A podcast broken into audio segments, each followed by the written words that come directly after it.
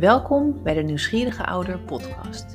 De podcast waarin jij als nieuwsgierige ouder van opgroeiende kinderen antwoorden kunt vinden op fundamentele vragen, zoals wat kan ik leren van het gedrag van mijn kind?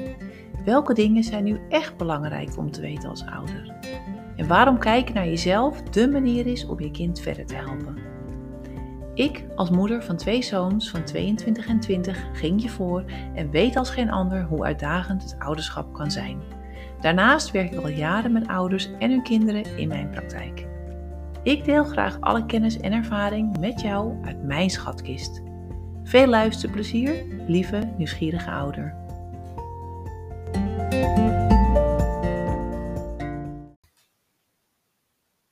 Welkom bij weer een nieuwe aflevering van de Nieuwsgierige Ouder podcast. Aflevering 2 van het tweede seizoen 2023.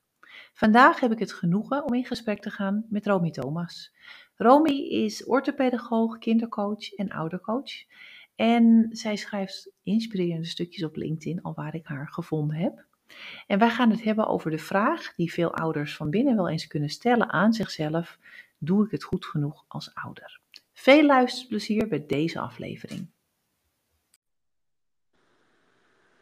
Ja, welkom. Gelukt? Ja, volgens mij is het gelukt, hè? Ja, we zijn er. Welkom, Romy. nou, Romy Thomas uit Den Bosch. Yes. Hartstikke leuk dat je er bent. Ja. Um, nou, ik wilde je graag uitnodigen omdat ik je volg op LinkedIn en um, ik vind je stukjes inspirerend, leuk, helder en doortastend. Ja. Dus ik denk, um, ik wilde graag met jou in gesprek over het ouderschap. Ja, superleuk om te horen. Ja, en we hebben natuurlijk al even kort voorgesproken uh, om te kaderen waar we het over gaan hebben. En we hebben ge ge gezegd dat we het gaan hebben over, doe ik het wel goed genoeg als ouder? Dat is iets ja, wat, je vaak, wat jij vaak ook hoort van ouders, de twijfel ja. die vaak intern leeft, hè? Ja, absoluut. Ja, het is echt iets wat ja, toch wel, nou niet bij iedere ouder, maar wel echt bij een heel groot gedeelte um, een vraag is die leeft. En die ik nu, hè, nu ik zelf moeder ook ben, uh, ja, dat die ook wel kan voelen. Van ja, wanneer doe je het nou goed? Doe je het goed als ouder? Um, dus ik denk dat dat een heel mooi onderwerp is om eens over uh, te spreken met elkaar. Ja, hartstikke leuk.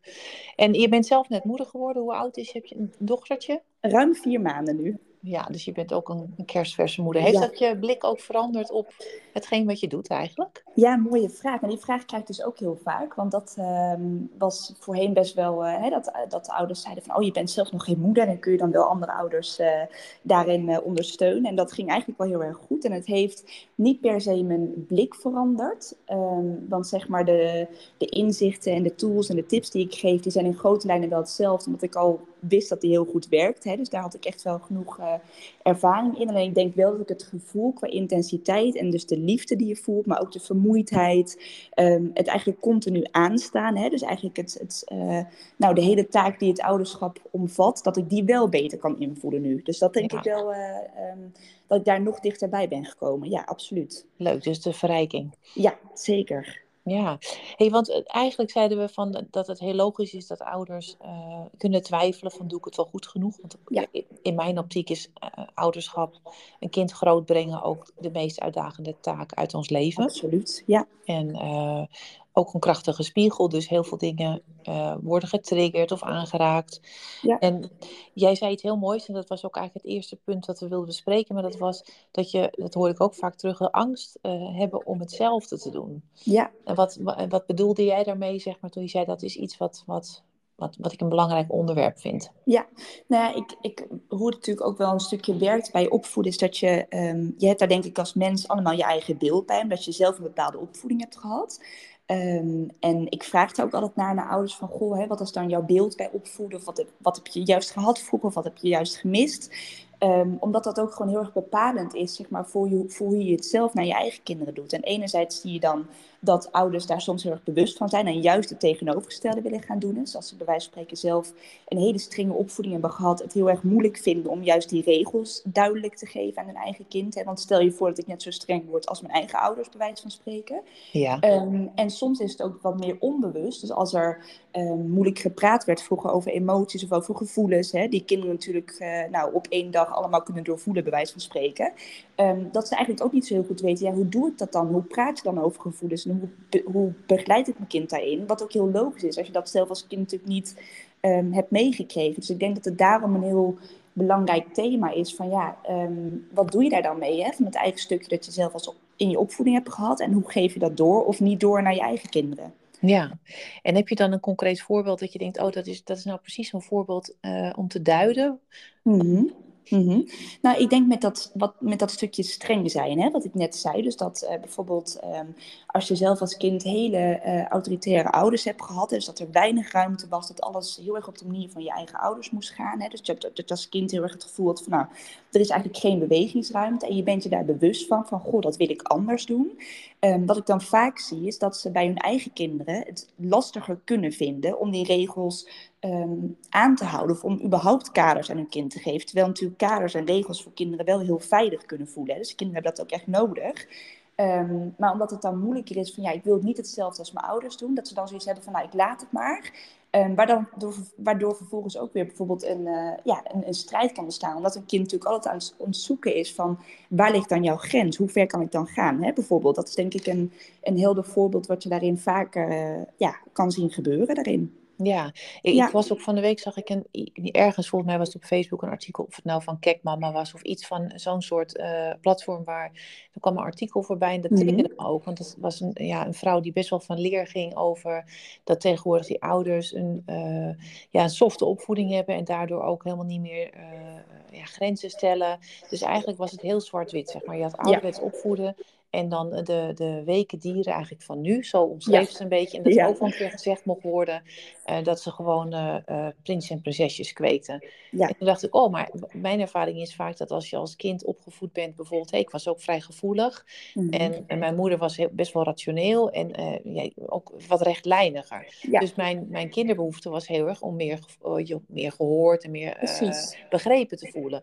Dus maar ja, als je dan zelf kinderen op gaat voeden, voeden dan merkte ik ook dat ik dacht van, maar hoe ga je dat dan doen? Dus het is niet ja. zo zwart-wit. Want het, nee. ik denk juist dat ouders voelen van, ja, zo streng als vroeger wil ik niet. Dus ik wil het liefdevoller doen, maar dan uh, daar ook heel erg mee worstelen van, ja. maar hoe, hoe doe je dat dan? Ja, hoe ga ik die grenzen daarin voegen? Ja, dus, precies. Um, ik denk dat het een beetje en-en mag zijn, hè? Ja, nou zeker. Dat denk ik ook. Want ik denk juist dat die twee dingen heel erg mooi naast elkaar kunnen bestaan. Dus enerzijds um, gewoon structuur, uh, duidelijkheid. Hè, van dit is mijn grens, daar wil, ik, uh, daar, wil ik het, daar wil ik het graag binnen houden binnen ons gezin, hè, bij wijze van spreken.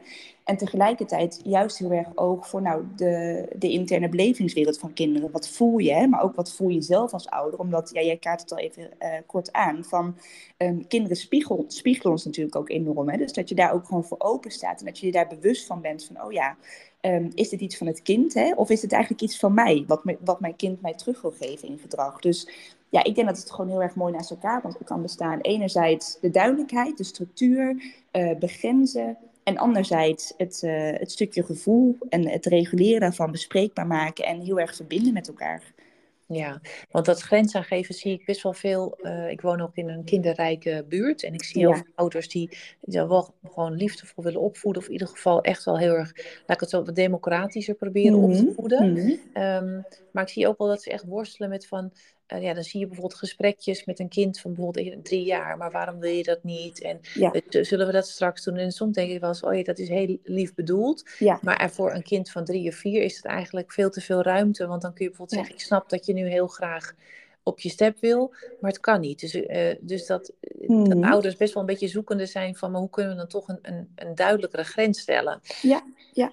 Ja, en dat is ook dat stukje leiding nemen, denk ik. Hè? Wat je, en dat, dat verschilt denk ik ook wel een beetje per leeftijdsfase. Want bij echt die jonge kinderen um, is die hele grote ruimte denk ik ook vaak te groot. Hè? Dus dan kun je wel zeggen, denk, ik denk dat dat erkennen van die emotie of teleurstelling, ook al is dat, dat het niet op de step kan. Hè? Voor een kind is dat natuurlijk wel echt een grote teleurstelling. Ook al denken wij van, nou, ik kan straks thuis weer uh, steppen. Dus ja. dat erkennen vind ik wel altijd belangrijk. Hè? Van, ik snap dat je dat jammer vindt. Ik, ik snap ook dat je liever had willen steppen.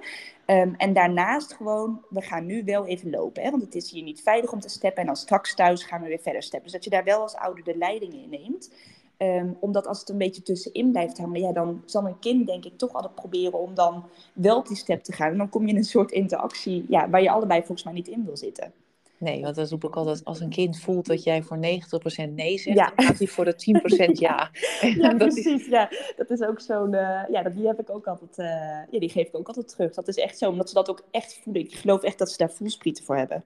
Enorm, enorm. En ik merk ook wel dat als je bijvoorbeeld als kind, eh, als er te weinig ruimte is geweest voor jou vroeger, voor je gevoel, dan vind je het ook vaak heel lastig om je eigen kind teleur te stellen. Omdat je dan eigenlijk een beetje in contact, ik noem het dan altijd kindpijnen. Eigenlijk ben je dan je eigen kindpijn aan het vermijden. Uh, omdat je het gewoon lastig vindt om je, om je kind die grenzen te geven. Want dan denk je, ja, die teleurstelling, dat wil ik niet zien. Dat vind ik heel vervelend voelen. Ja, precies. Ja, dat is ook echt zo. En ik, dat is denk ik ook wel een moeilijk stuk. En Ik geloof ook wel dat dit heel vaak een onbewust proces is, zeg maar. Dus dat het dan uh, gebeurt en dat er dan, nou vervolgens wordt er dan, uh, wordt een van de twee is het zat. Dus of het kind die wordt moe, uh, die discussie, of de ouder denkt van, nou we zijn de hele dag leuk in de speeltuin, we hebben lekker een ijs gegeten, dit en dat. En dan krijgen we nog discussie over dit. Hè. Dus ik denk dat het heel erg waardevol is om ja, hier meer bewustzijn over te creëren. Wat dan de interactie is, wat dan een stukje van je kinddeel is, maar wat ook, wat je misschien onbewust hebt meegenomen van je eigen opvoeding of wat je bewust wil meegeven. Dus um, ja, dat vind ik altijd wel een mooi onderwerp.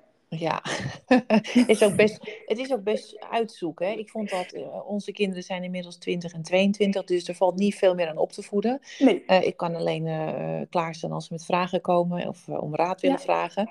Ehm, maar als je er middenin zit, want iedere fase heeft ook zo zijn eigen uitdagingen. Ik bedoel, Zeker. dus als je begint met peuteren en kleuteren, dan kom je er één keer achter van, oh, het wordt best wel een beetje uitdagend. En, ja, het wordt best moeilijk. Ja, ja en dan ja, helemaal, dat, dat vond ik ook zo'n stomme, uh, kleine kinderen kleine zorgen en grote kinderen grote zorgen. En dat zijn allemaal van die dooddoeners, maar ze kloppen wel. Ja, klopt. Ja. Dus het wordt eigenlijk alleen maar steeds uitdagender. Ja. Daarom vind ik het ook zo leuk dat uh, uh, in mijn optiek is aan, aan ouderschap beginnen we um, ja, eigenlijk natuurlijk allemaal van we kunnen, hè, als je het geluk hebt, dan kun je aan het ouderschap beginnen. Dan word je ja. ouder. En uh, ja, voor je, als je auto gaat rijden, haal je je rijbewijs. En uh, voor heel veel dingen leren we iets. Ja. En eigenlijk in het ouderschap, daar stappen we best wel blanco ja, in. En, eigenlijk echt bizar. Ja, en ook eigenlijk met een heel geromantiseerd beeld. Ja. Uh, een ideaal plaatje. En eigenlijk daardoor zetten we die lat al veel te hoog. Want Ja. het is eigenlijk helemaal geen... Ja, je kunt eigenlijk al na je bevalling uh, van een koude kermis thuiskomen... als je bijvoorbeeld misschien uh, postnataal somber bent. Ja. Laat ik niet gelijk depressie noemen. Maar er, er Ja. kan zoveel op je pad komen. Dus als je natuurlijk Super heel erg- overweldigend. Ja. Ja, dus eigenlijk vanaf moment één moet je eigenlijk gaan schakelen. Oh, maar dit is de realiteit en dit is wat ik Ja. dacht dat het was. Ja, klopt. Ja, dat is het denk ik ook. Maar ik vind dat, ja, ik vind dat ook wel iets heel bijzonders. Hè? Wat je dus zegt van nou, als een, eh, hè, voor een puppy ga je op puppycursus, voor je hè, auto leren rijden ga je rijles. En wat we ook eerder zeiden, van nou, eigenlijk is dat grootbrengen van je kinderen, of het opvoeden van je kinderen, de, wel de belangrijkste, meest intense taak die je in je leven gaat krijgen. En dat ja, verwachten we misschien van elkaar dat iedereen dat maar gewoon even erbij doet. Want het is ook vaak iets wat hè, naast werk, drukke agenda, sociale levens ook nog, ja, ook nog er is. Dan denk ik, het is niet zomaar iets. Dus dat is ook wel ehm, eh, een dingetje. En dan, ja, als de lat dan heel hoog ligt en je hebt daar een heel geromant- geromantiseerd beeld van, dan komt denk ik toch die vraag van, ja, wanneer doe je het dan als ouder goed? Of doe ik het goed als ouder? Ja, want dat is best een zware dobber. Ik heb ook wel voor de ouders van dit tijdperk. hè, Ik, ben, ik word zelf 50, dus eh, Mhm. 20 jaar geleden was ik natuurlijk zelf eh, jonge moeder. En ik zie wel steeds meer dat er steeds meer druk op komt te liggen. Dat ouders heel veel moeten en ook wel Ja. veel verwachten van zichzelf. En dat is natuurlijk ook met eh, hoe meer media er is, hè, social Ja. media en dat soort dingen. Dat ons beeld zeg maar steeds helderder wordt van hoe we denken dat we het willen hebben. En Ja. verwachtingen scheppen voor onszelf. Ja, ja. Dat, ik, nou ja, dat ik soms wel denk, jeempie, eh, nou ja, ik heb best wel te doen met alle last die je moet dragen. Hmm. En de lat die zo hoog ligt. En dan ook eigenlijk nog een perfect, eh, het nieuwe wereldwonder zeg maar uitpoepen en grootbrengen. Wat Ja. eigenlijk ook gewoon een normaal mens blijkt te zijn. En Ja, ook zijn eigenaardigheden heeft. ja, precies. Nou, dat is ook echt zo. Maar het is natuurlijk ook best wel heel vermoeiend, zeg maar, als je continu op een eh, Instagram bijvoorbeeld, hè, die foto's ziet van, eh, nou, dat is ook met die shoots allemaal, hè, als een kindje geboren is, dat je denkt, Ja. jeetje, hoezo staan al die ouders daar zo fit bij je en het kindje dat dan nou, helemaal vrolijk is, bij wijze van spreken, dan denk ik, ja, is ook wel nog een extra uitdaging erbovenop om continu in te checken bij jezelf. Oké, dit is gewoon hè, de realiteit. Het is bij de ander niet alleen maar uh, roosgeur en. Dus dat is ook weer iets wat er bovenop komt. En ja, ik denk dat, er ook wel, dat het ook heel erg zou helpen om, uh, om daar wat meer open in naar elkaar te zijn. Om ook gewoon de uitdagingen met elkaar te kunnen delen. Ja, ook het, het minder mooie, zeg maar. Ik, ik Ja. moet ook, uh, mijn nicht, uh, haar zoontje wordt nu één. We hebben van het Ja. weekend een feestje. En een tijd geleden zei ze tegen mij... Jet, ik wil graag een foto maken, een cake smash. Ik zeg, een cake smash? Ja, nou, misschien ken jij het begrip dus wel. Nee, ik ken het niet. Oh, nou ja, dat is hetzelfde als dat je een gender reveal hebt, zeg maar. Oh, is ja. ook zoiets geworden. En nu had ze een cake smash, dat is een foto die je dan doet voor dit eerste, eh, de uitnodiging van de eerste verjaardag. Ja. En dan krijgt het kind een taart voor zich. En Oh, eh, ja, mag dan- met die handen in de taart. Maar eigenlijk is dat ook een soort gestyled iets. Hè? Dus dan, dus ik moest al heel erg lachen, want ze weet hoe ik erin sta. Dus dan zei ik al, ja, weet je.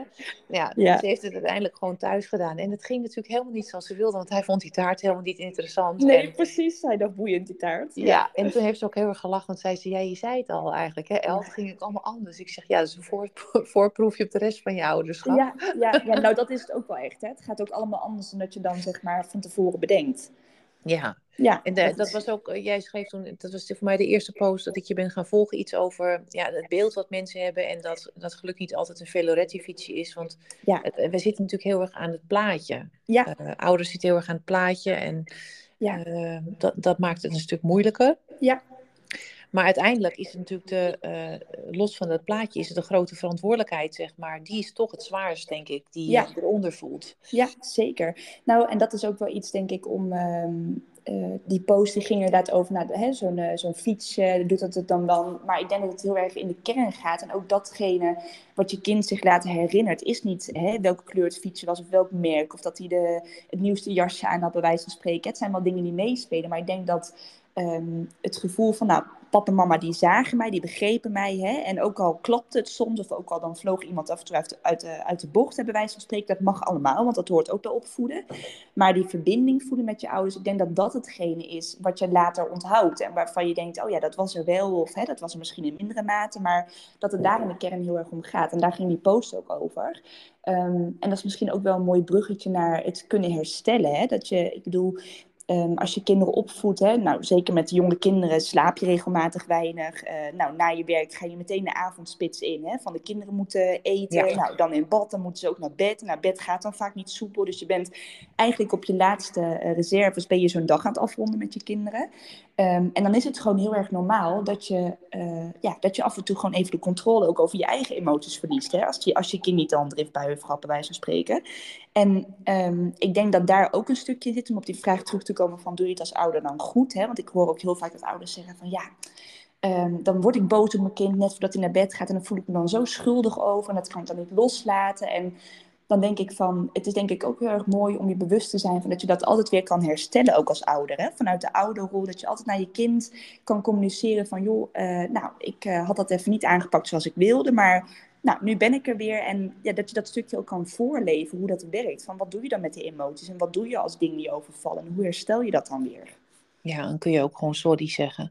Ja, En, en beseffen van, oh ja, hè, bij mij dat het emmertje overvol. Ja. Laten we overnieuw beginnen. Want dat is natuurlijk ook het idee dat, dat alles moet lukken. Hè? ja En, dat, dat, ja, en dat is natuurlijk een beeld wat niet... Ja, dat, dat, ja ik, ik heb nu ook al gelijk een moeder in mijn hoofd die, die ja, zo, het zo goed wil doen in het ouderschap. Dat ik denk, Ja. eigenlijk is dat al eigenlijk een, eh, een garantie voor teleurstelling. Omdat dat, ja, dat zal nooit gehaald worden. Want Nee, ja, dat, dat is gewoon net zoals dat je een bedrijf gaat beginnen. Dan weet je zeker dat je allerlei dingen tegen gaat komen die Ja. niet lukken. Nou, dat is ook zo, ja. En het, het, het voert ook vaak de druk heel erg op voor jezelf. Hè? Van, oh ja, ik moet het dan heel erg goed doen. En dat is denk ik ook het onzichtbare lijntje tussen ouder en kind.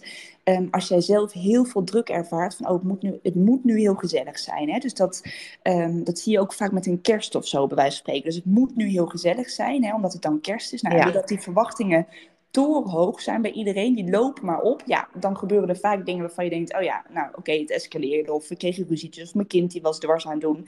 Ehm, maar dat komt ook door, ja, door ons, denk ik dan wel eens. Hè? Omdat wij die verwachtingen zo heel erg opbouwen. Dus dat is ook wel iets heel interessants om bij jezelf gewoon te onderzoeken. Van ja, wat is dan mijn verwachting? Of waarom, waarom wil ik het dan zo perfect doen de hele tijd? Omdat dat ook weer bepalend is voor het gedrag ja, en het welbevinden van je kind, denk ik. Ja, want dat is, eh, ja, de kinderen zijn nu groot en ik heb nu twee honden. Zeg maar, als ik haast heb, dan zal je Ja. altijd zien dat de honden zeg maar tegen gaan werken met wandelen. Ja, En- dat is en- echt zo. En ik moet ook altijd heel erg lachen in Amerika. Bijvoorbeeld als je gaat trouwen, dan heb je een rehearsal dinner. Dus dan ga je de avond ervoor ga je diner eh, Ja, oefenen. Dus Ja. dan moet ik ook altijd heel erg lachen. Dat is natuurlijk heel erg dat ik denk van, huh? ja maar precies. eigenlijk zouden we dan een soort rehearsal opvoeding moeten doen. ja, ik ja. nu. Ja, Kan dat- je een keer oefenen. Maar het is, eh, eigenlijk is alles, het hele plaatje, en dat is denk ik ook het linkje terug naar je fiets. Het gaat niet over het plaatje, het gaat heel erg over de verbinding. Ja, die je hebt met je kind en het, het, het, leren uiten van je gevoelens, ook als iets misgegaan is, dat je, dat je het weer kan herstellen. Ja, ja, nou ik denk inderdaad de verbinding met je kind en misschien wel 50-50 ook de verbinding met jezelf. Want ik denk, ik geloof er ook echt heel erg in dat alles Ehm, wat een uitdaging voor jezelf is, zeg maar, in de opvoeding wordt blootgelegd, linksom of rechtsom. Dus dat het ook gaat over van uh, in hoeverre durf je naar je eigen gevoel te kijken, hè, naar je eigen uitdagingen, naar je eigen krachten. Want die komen natuurlijk ook heel veel krachten uh, naar voren, denk ik, als je je kind opvoedt. Dus ja, ik geloof gewoon dat het sowieso in die verbinding zit in de basis. Ja. Ken jij overigens een shout-out voor mijn collega Els Brakman? heeft een heel mooi boek geschreven, wat nog niet zo lang uit is. Ja, hoe heet die? Uh, mijn kind en ik. Uh, ken ik nog niet, dus die ga ik meteen even opschrijven. Ja, opgroeien. Ik zal hem, wel, ik zal hem ook even in de, in de biografie zetten. Ja. Uh, ik geef hem tegenwoordig aan ouders mee die een traject bij mij afnemen. Het is ja. Kind en ik opgroeien in verbinding van Els Brakman. Ja. En um, ja, het is gewoon een hele mooie, het is niet, niet een super dik boek, maar gewoon een hele fijne gids waar eigenlijk alle uh, je essentiële dingen in staan die je ja, doen nadenken over hoe kan oh, je met je kind in verbinding opgroeien. Het is echt een een heel hartverwarmend boek. Dus daar moet ik nu aan denken. En nu je dat zegt, denk ik, ja, dat is...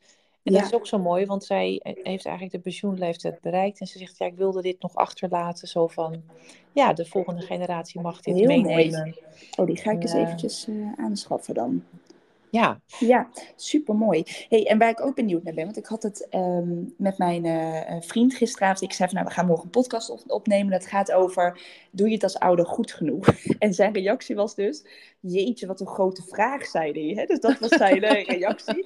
En toen moest hij even nadenken. Dus hij was zo de vaatwas aan het inkomen. Toen zei hij, ja ja, ehm, ik denk dat je als ouder altijd de beste intenties hebt, de uitzonderingen daar gelaten, maar even in grote dat je als ouder altijd het goede wil doen en dat je daarmee eigenlijk in de basis gewoon goed doet. En ik was heel erg benieuwd wat dat, ja, wat dat, hoe, hoe die bij jou overkomt als je dat zo hoort.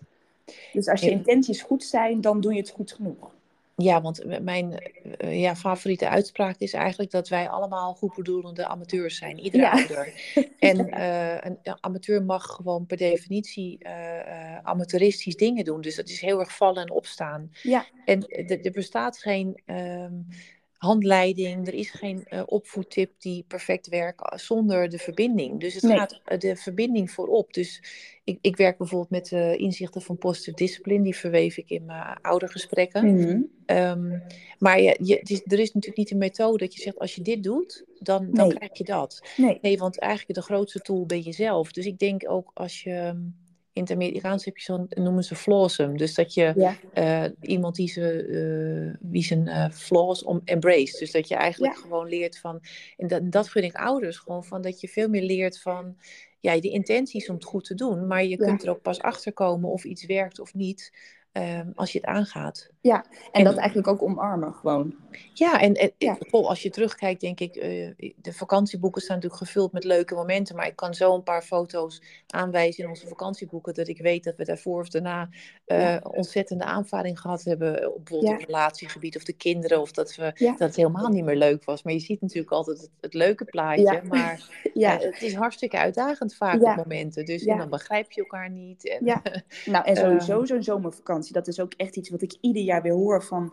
Mijn god, die zomervakantie, dat duurt maar, weet je wel. En dat is, ja, dat het gewoon best wel ook intensief is. Omdat het, ehm, ja, iedereen komt even tot rust, hè. En dan eh, ben je continu ben je samen. Dus dat dat onmogelijk is om dat altijd maar die zes weken lang gezellig te hebben. Dat, dat kan bijna niet.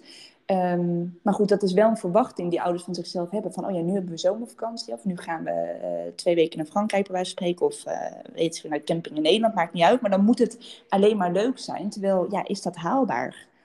Nee, dus ik denk ook dat is volgens mij de, gro- dat mijn ja, grootste advies dat ik altijd ouders geef.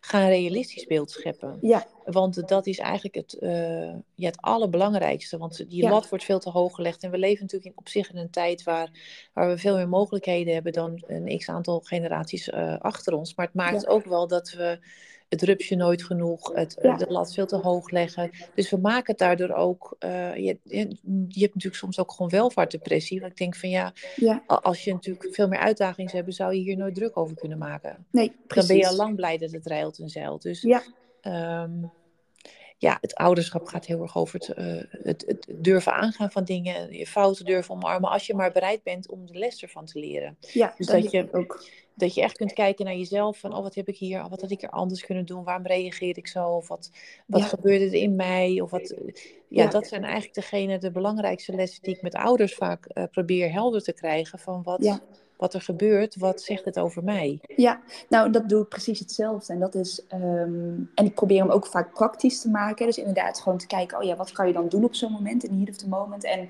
wat je gewoon heel vaak ziet, is dat een kind daar dan in meebeweegt. Want ik geloof ook hoe meer wij uh, die druk bij het kind opvoeren. Van nou, je moet nu uh, stoppen met boos worden. Hè? Als je nee hoort, bij wijze van spreken. Nou, dat, ja, daar kan een kind gewoon 9 van 10 keer helemaal niks mee. Want als dat al zou kunnen, dan zou die het wel doen, zeg ik altijd. Ja. Um, dus dat het heel mooi is om aan de kant van de ouders te gaan zitten, mee te mogen denken en te kijken van, oh ja, wat, waar zitten die triggers dan? Wat maakt het dan de uitdaging? En als je daar dus um, in kunt groeien, of als je het aan kunt kijken, zie je dus ook dat, dat een kind daar heel erg in meebeweegt. Omdat er volgens mij dan gewoon veel meer ruimte ontstaat voor ja, voor al die gevoelens en het fouten mogen maken en het kunt herstellen samen. Dus dat vind ik ook wel een hele mooie interactie altijd. Ja, want iedere ouder is gewoon de juiste ouder. Ja. Punt. Dus daar hoef je niet aan te twijfelen. Nee, precies. En het is gewoon, en vaak, ik had laatst ook, het doet me nu even denken aan dat je aan het vertellen bent. Dus popt er een, een ouder in mijn hoofd op die bij het intakegesprek eigenlijk al vertelde. Dus mijn kind laat zoveel boosheid zien. Ja. En hoe verder we gingen praten, zei ze ook, ja, ik heb ook wel eens gevoeld van, vroeger uh, was er nooit ruimte om boosheid te laten zien door, door haar thuissituatie. Ja. En nou, de tranen welden ook op. Dus soms denk ik wel eens, hij laat de boosheid zien die ik altijd weggestopt heb. Ja. En dat is natuurlijk een, een, diepere laag. Maar zo, mijn ervaring is dat dat wel bij kinderen zo werkt. Dus, Zeker. Ja. Absoluut, ja, dat is dan uh, inderdaad die diepere laag, misschien ook wat meer dat systemische. Ja. Um, maar dat is, ja, ik, ik geloof gewoon dat dat kinderen dat heel erg laten zien. Dat kinderen ook zeg maar het, het onbesproken, dus hetgene wat niet besproken wordt, of wat je als ouder voelt, of ja, wat ik ook al eerder zei, waar je eigen uitdagingen liggen, hè? of waarvan je denkt van ja, ik voel het wel, maar ik durf niet uit te spreken. Volgens mij laten kinderen dat gewoon heel erg aan ons zien. En, en zien we het, ik las laatst ook een post van iemand en die ehm, zei van, dan vinden we dat vaak probleem, probleemgedrag. Hè? Van ja, mijn kind is altijd boos op school, ja, boos. Terwijl als je het signaalgedrag noemt, volgens mij van Kimberly, ik weet even niet haar achternaam, die zou ik even moeten opzoeken. Maar dat vond ik een hele mooie, van um, wat nou als we probleemgedrag zeg maar als signaalgedrag zouden uh, interpreteren. Dus gewoon een signaal van, goh, heeft het, heeft het kind iets nodig? Maar ook een signaal naar onszelf van, wat zegt het eigenlijk over ons? In plaats van dat we met z'n allen gaan zeggen, ja, maar dat boze, dat, uh, dat kan niet hoor. Dat is wel een probleem. Dat we heel erg dat, dat probleem willen begrenzen. Hè? Ja. Um, maar dat we eerder kijken, oké, okay, wat is het signaal en wat ligt eronder? Dus wat wil het kind ons nou vertellen met, met dat gedrag? Dus met die boosheid, hè, bijvoorbeeld, om dat maar even aan te houden ja, dat is ook. Ik heb een, uh, een drie luik op mijn website staan als, uh, uh, als mensen op mijn website komen en ze willen wat meer van me weten. Drie mm. gouden sleutels. En dat is inderdaad kijken achter gedrag. Ja. En, en bij, vanuit het systemische werk, ik had onlangs een, een tweedaagse training in Groningen bij het Helling Instituut. En daar, daar zeggen ze ook altijd met opstellingen werken. Dan zet je mensen neer, bijvoorbeeld een, een, een mens voor het kind, een mens ja. voor de ouder. En dan daar waar het gedrag naar wijst. Dus eigenlijk, mm. waar wijst dit gedrag naar? Ja. Dus het is heel grappig. Dan zie je ook dat het gedrag vaak al verbonden is met iets. Ja. Dus het signaal is ook een beter woord dan probleem eigenlijk. Want een kind uh, bedenkt nooit ik ga nu gedrag doen, zodat iedereen mij een ontzettend kutkind nee, vindt. Nee, precies. Dat niet. Dus. Nee, dat is niet. Dat wil een kind in de basis. Nee, dat nooit. wil je niet. Dus nee. het, het gedrag heeft altijd een, uh, een, reden. Er is altijd een reden waarom het gedrag er is. En als ja. wij daar iets over kunnen leren, dan, uh, dan kan het gedrag meestal pas gaan veranderen als we snappen ja. waarom het er is. Ja, ja en ik denk dat, dat dat dus een stukje is wat we gewoon heel vaak overstaan. Dat is denk ik binnen het gezin zo, maar ook op scholen hè, of op een opvang of wat dan ook. Eigenlijk over waar we met kinderen te maken hebben. Um, dat we gewoon heel erg op dat gedrag communiceren. Hè? Dus als een kind ja. uh, boos wordt, nou, dan ga jij maar even op de time-out stoel zitten. Hè? Of dan ga jij maar even in de, op de gang uh, uh, rustig worden, bij wijze van spreken. Ja, en dan denk ik, ja, we gaan dan eigenlijk vo volledig voorbij aan wat een kind ons wil vertellen. En ik snap hè, op school dat we daar bijvoorbeeld, dat je daar met 30 kinderen geen ruimte voor hebt. En ik snap ook dat je daar als ouder niet altijd de tijd voor hebt. Maar ik denk dat als we in ieder geval een stukje vaker op die manier zouden kunnen kijken. Dus op, eigenlijk op het moment dat er signaalgedrag komt, ik noem het meteen even signaalgedrag, um, een eerste stap maken van oké, kunnen we in de verbinding gaan? Is dat naast een kind gaan zitten? Is dat even zeggen van joh, ik, ik ben er dadelijk voor je, in plaats van dat we meteen op dat gedrag reageren, dat dat al heel veel ruimte geeft. Omdat er anders zo'n interactie ontstaat, puur op dat gedrag, waar het eigenlijk in de basis helemaal niet over gaat. Nee, dat kun je, en dat is denk ik ook wel een mooi haakje naar waar we zeiden dat het ook belangrijk is om leiding te durven nemen. Ja. Maar uh, veel ouders vinden het dan ook wel lastig hoe. Maar ik denk mhm. ook dat we heel vaak met woorden uh, dingen gaan begrenzen. Terwijl als een kind bijvoorbeeld, uh, ja, laat zeggen, het ontploft heel erg. Dus het laat heel erg boos gedrag zien. En, en, het maakt misschien slaande beweging naar een ander kind. Wat je kunt doen als ouder is gewoon letterlijk ertussen gaan staan. Of het kind even wegnemen uit de situatie zonder zelf ook uh, heel erg vanuit felheid te reageren. Dus als het lukt voor jezelf om wat neutraler te blijven en het kind te begrenzen. Ja. En erbij te blijven. En dat je zegt, goh, ik zie even ontzettend veel boosheid bij nou, je. Nou dat, ja, ja. precies. En dan even laten kalmeren. En dat je zegt, nou, ga, kan, kan, ben je weer aanspreekbaar? Of, dus dat is een hele andere manier dan zeggen, hé, hey, hey, wat je nu doet, dat kan niet. Ja, ja, ja uh, precies. En dat is vaak... Um, ja, dat, dat zou zoveel kunnen helpen. Want we, ik, merk vooral kinderen die heel gevoelig zijn en heel erg uh, naar voren gedrag hebben. Dus best wel snel schoppen mm. gaan of heel erg heftig bewegen. Die worden ook niet altijd herkend als sensitief. Nee. En volwassenen gaan die dan heel erg met autoritair gedrag begrenzen. Waardoor eigenlijk hun negatieve zelfbeeld groter wordt en het gedrag ook eigenlijk steeds vervelender wordt. Ja, Um, Absoluut. Ja. En dan zien we het authentieke kind eigenlijk steeds minder. Dat is dan zo jammer. Ja, nou en dit is eigenlijk wat jij nu, wat jij nu benoemt. Is eigenlijk altijd het eerste gesprek wat ik met ouders heb. Daar leg ik dit altijd in uit. Ik heb daar ook een afbeelding voor met zeg maar uh, nou, een krokodil in het hoofd. Hè? Dus dat je dat, uh, dat, dat, dat je dat ook ziet. En op het moment dat een kind ontploft of boos wordt, net wat jij net schetst. Um, dat wij daar vaak heel erg rationeel op reageren. Dus begrenzen, nou dit willen we niet zien en uh, stoppen daarmee. Hè? Dus heel erg eigenlijk precies dat stuk in het hoofd aanspreekt bij een kind, wat helemaal niet aanspreekbaar is. Dus altijd als eerste dat erkennen van die emotie, dus zien wat gebeurt er. Uh, nou, wat jij zegt, ertussen gaan staan, maar ook het benoemen van, joh, zie ik het goed dat je gewoon even heel verdrietig bent, of ben je boos, hè? of dat je dat benoemt, in plaats van gelijk maar daar overheen en ik wil nu dat je stopt of, uh, of naar de oplossing toe werken, te snel, dan dat het kind daar ook klaar voor is. Dus dat is um, ja, een, een hele mooie en ja, ik merk ook wel dat als ik dat met ouders bespreek, dat het echt wel een, een eye-opener is. Omdat dat ja, iets is wat je toch niet echt leert. Tenminste, je krijgt dat niet op school. Of, er wordt nergens uitgelegd van als je kind wat ouder wordt, dan um, komt er misschien vaak gedrag. En dan is dit daarvoor nodig. Dus dat is ook wat van ik denk, ja, je moet het ook maar net weten als ouder hoe je daarop kunt reageren op een andere manier. Ja, en, en daarom denk ik dat het zo fijn is dat we ja, je hoeft niet een rijbewijs aan, je hoeft ook nergens voor een toets voor af te leggen, want je bent al ouder, dus je bent sowieso goedgekeurd. Ja. Maar het is wel fijn als je uh, ja, goed beslagen ten ijs gaat. Nou, dat. Ik denk, de afbeelding gebruik je die ook van uh, dat de krokodil in tweede afbeelding groter is? Met ja, het paard en de mens. Ja, het grappig. Ja, hetzelfde, die gebruik ik ook altijd. Van oh, arend, arend nog iets. Ja, ja, heel die leuk. is gewoon heel duidelijk, weet je. En dan, kan, dan zeg ik ook altijd, eerst uh, die afbeelding, ja, misschien denken mensen nu echt, waar hebben zij het over? Krokodillen en paarden en dat soort dingen maar het is uh, um, die afbeelding van dat hoofd. Dan zeg ik altijd, ja, dit is de rustige toestand, ontspannen toestand van je kind. En dat zijn ook niet de momenten waarop je denkt van, goh, wat moet ik hier nou mee? Of dat je zelf uit je slof schiet. Dus um, die verplaatsing in het hoofd, hoe dat verschuift, dat is gewoon voor ouders heel helder van wat er dan gebeurt. En ook dat zij een keuze hebben van wat doe ik dan? Hè? Dus ga ik dan met die krokodil communiceren of communiceer ik dan um, uh, met het kind, zeg maar. Dus kijk ik achter dat gedrag. Dus dat vind ik altijd een hele, hele, hele helder om dit thema te bespreken.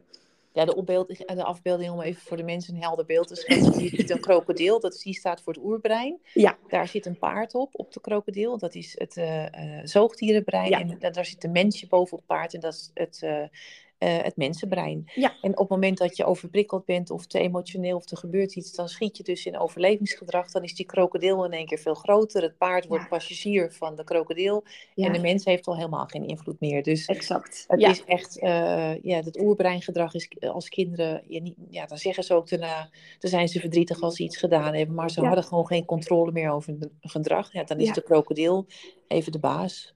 Ja, precies. Ja, ja. grappig. Nou, leuk dat jij die ook gebruikt. Dat is inderdaad een superheldende uh, afbeelding. Ja, en nog even een kleine aanvulling daarop. Wat dan heel, heel mooi is, dan leg ik hem dus eerst uit voor het kind. En dan zeg ik, nou, dit is hoe het bij het kind werkt. En dan, nou, dan, dan valt het kwartje bij En dan zeggen ze, ja, eigenlijk heb ik dat hetzelfde. Eigenlijk heb ik ook wel zo'n krokodil. En dan zeg ik, ja, eigenlijk werkt die ook voor iedereen zo. Hè? Want je begint vanuit het kind te vertellen, maar uiteindelijk ehm, sluiten we dan ook dat gesprek af van, goh, ga die krokodils observeren. Kijk eens wanneer jouw eigen krokodil actief wordt. Dus wanneer neemt hij nou de regie in handen? Um, en wat staat jou dan te doen hè, om je eigen krokodil te kalmeren, zodat je weer naar je mensenbrein terug kan. Um, en wanneer is de krokodil van je kind actief? Dus dat is wel een, uh, ja, een hele mooie, zeg maar, wat dan gelijk een stukje inzicht geeft. En hou vast in situaties waarin je als ouder denkt, oh ja, wat moet ik hier nou mee? Dus dat is wel een leuke toevoeging misschien. Ja, eh, ja, mijn visie is gewoon sowieso dat kinderen eigenlijk onze kleine goeroes zijn. Ja, absoluut. En dat je uh, aan het opgroeien van je kind, dat je daar parallel daaraan uh, een eigen ontwikkelingstraject doorloopt. Ja. En als je er zo naar kijkt, dan wordt het ook niet zo van, oh, doe het fout. Nee, nee. Die, die uitdagingen zijn er juist om uh, jezelf nog beter te leren kennen. En uiteindelijk ja. zijn het allemaal kansen om je eigenlijk nog heler of nog volwassener. Ik, ja, ik word nu 50 en ik heb voor mijn gevoel eigenlijk pas echt het gevoel dat ik nu volwassen ben. Dat klinkt Ja. misschien alsof ik heel kinderachtig ben geweest. Nee, maar dat is is wat niet je bedoelt.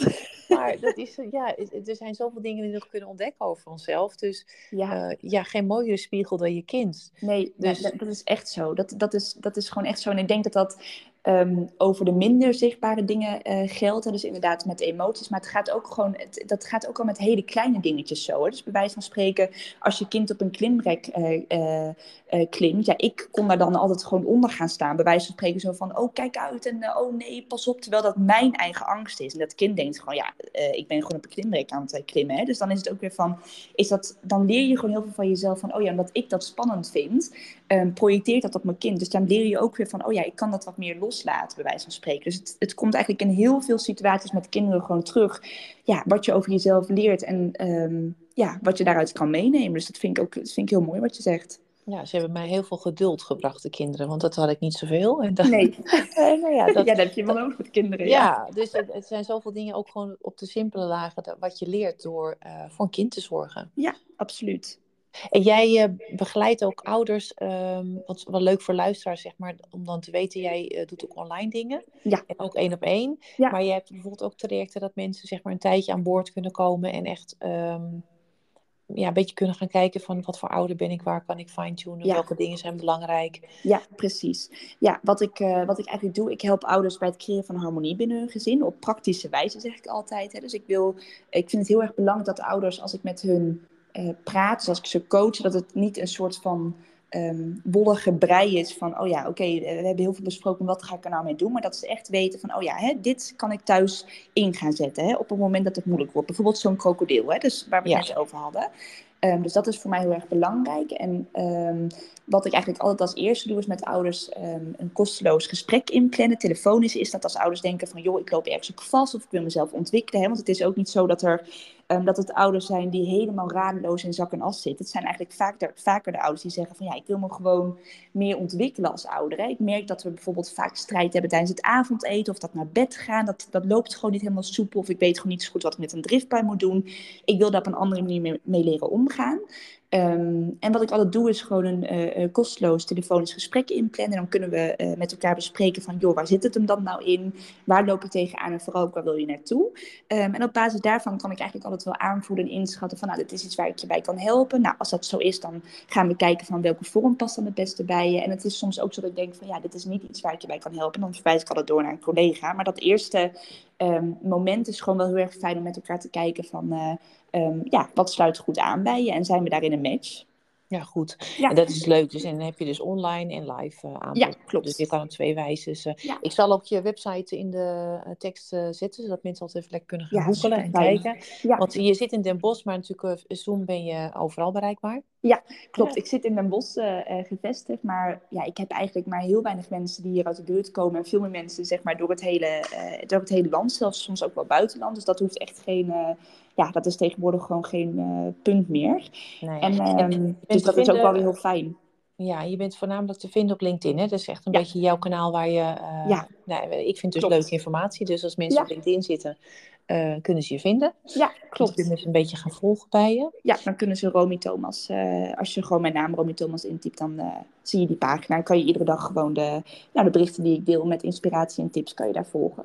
Ja, en we hebben best wel veel dingen besproken, dingen die ik op mijn lijstje had staan. En waar, wa- die vraag die nu oppopt staat niet op ons lijstje, maar zou ik wel leuk vinden om zeg maar mee af te sluiten. Ja. Wat, welke drijfveer, wat is jouw drijfveer? Waarom eh, ik weet voor mezelf altijd heel goed wat mijn drijfveer is om met ouders en kinderen te werken. Maar ik vind het altijd leuk om van, nou, van jou dan te horen. Ja, wat Eh, een mooie vraag. Ja, wat is jouw drijfveer? Waarom doe je dit? Ja, ehm, ja, dat is een hele mooie vraag. Ja, ik Misschien wel veel te groot, maar ik weet het niet. Nee, ik vind het een hele mooie vraag. Ja, ik heb echt al van jongs af aan dat ik kinderen gewoon... Ja, ik vind ze gewoon geweldig, zeg maar. Weet je wel, hoe ze, hoe ze zich bewegen in de wereld, het gedrag dat ze laten zien, eh, de puurheid eigenlijk. Hè? Dus, en ook de interactie met volwassenen. Dat vind ik gewoon eigenlijk al zo lang als ik me kan herinneren iets heel interessants. Ehm, en toen ben ik op een gegeven moment, ja, dus even, wel even een klein eh, stukje, zeg maar, toegevoegd pedagogiek gaan studeren. En ik vond dat dat heel erg ging vanuit de problemen. Hè? Dus heel erg Ja. zo van, nou, dit eh, eh, ADHD en hè, volgens die, die dias- diagnostiek en maar dat, dat soort zaken. En toen wist ik eigenlijk ook meteen, nou, die kant wil ik niet op. Welke kant wil ik dan wel op? Ja, die, dat stuk van die verbinding. Ehm, en mijn drijver is dus eigenlijk gewoon om zeg maar, de belevingswereld van kinderen, denk ik, dichter bij die van volwassenen te brengen. Want ik geloof ook dat we, ja, dat het in heel veel dingen hetzelfde is, maar dat het ook, ehm, bijvoorbeeld, hè, ik denk hoe wij een teleurstelling ervaren is voor een kind en een volwassene hetzelfde. Alleen die teleurstelling gaan over hele andere dingen. Dus een kind kan heel erg teleurgesteld zijn omdat een filmpje uit moet, hè, wat wij als ouders dan soms niet kunnen snappen van, ja, nou, kom op.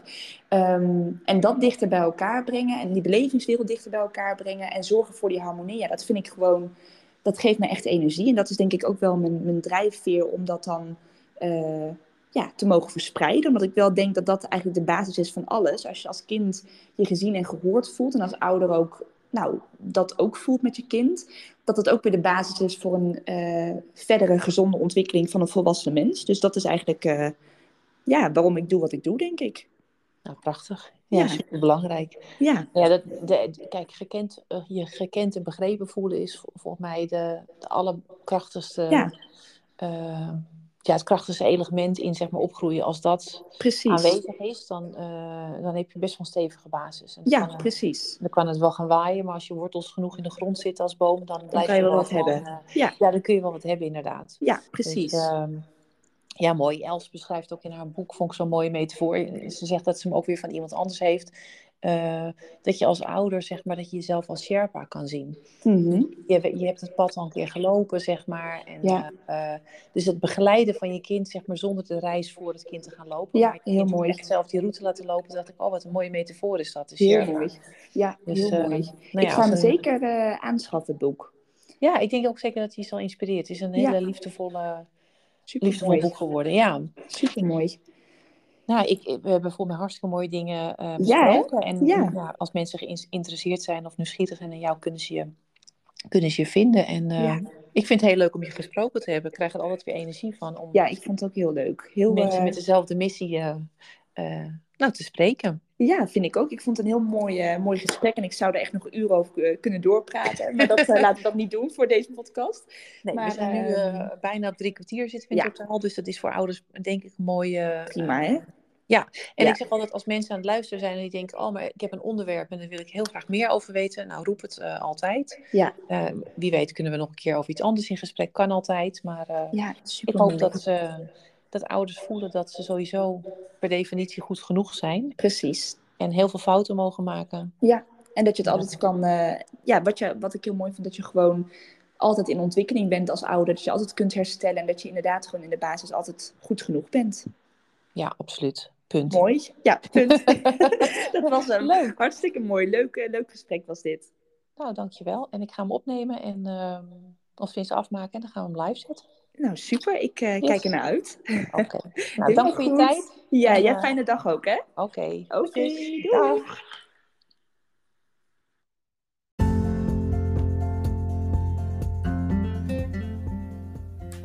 Bedankt weer voor het luisteren naar een aflevering van de Nieuwsgierige Ouder podcast. Vond je dit een interessant gesprek? Nou, deel hem dan vooral met andere mensen of in je socials. En je zou me enorm helpen om mijn podcast meer bekendheid te geven door hem te beoordelen in de app waar je in beluistert. Hartelijk bedankt voor het luisteren en graag tot de volgende keer.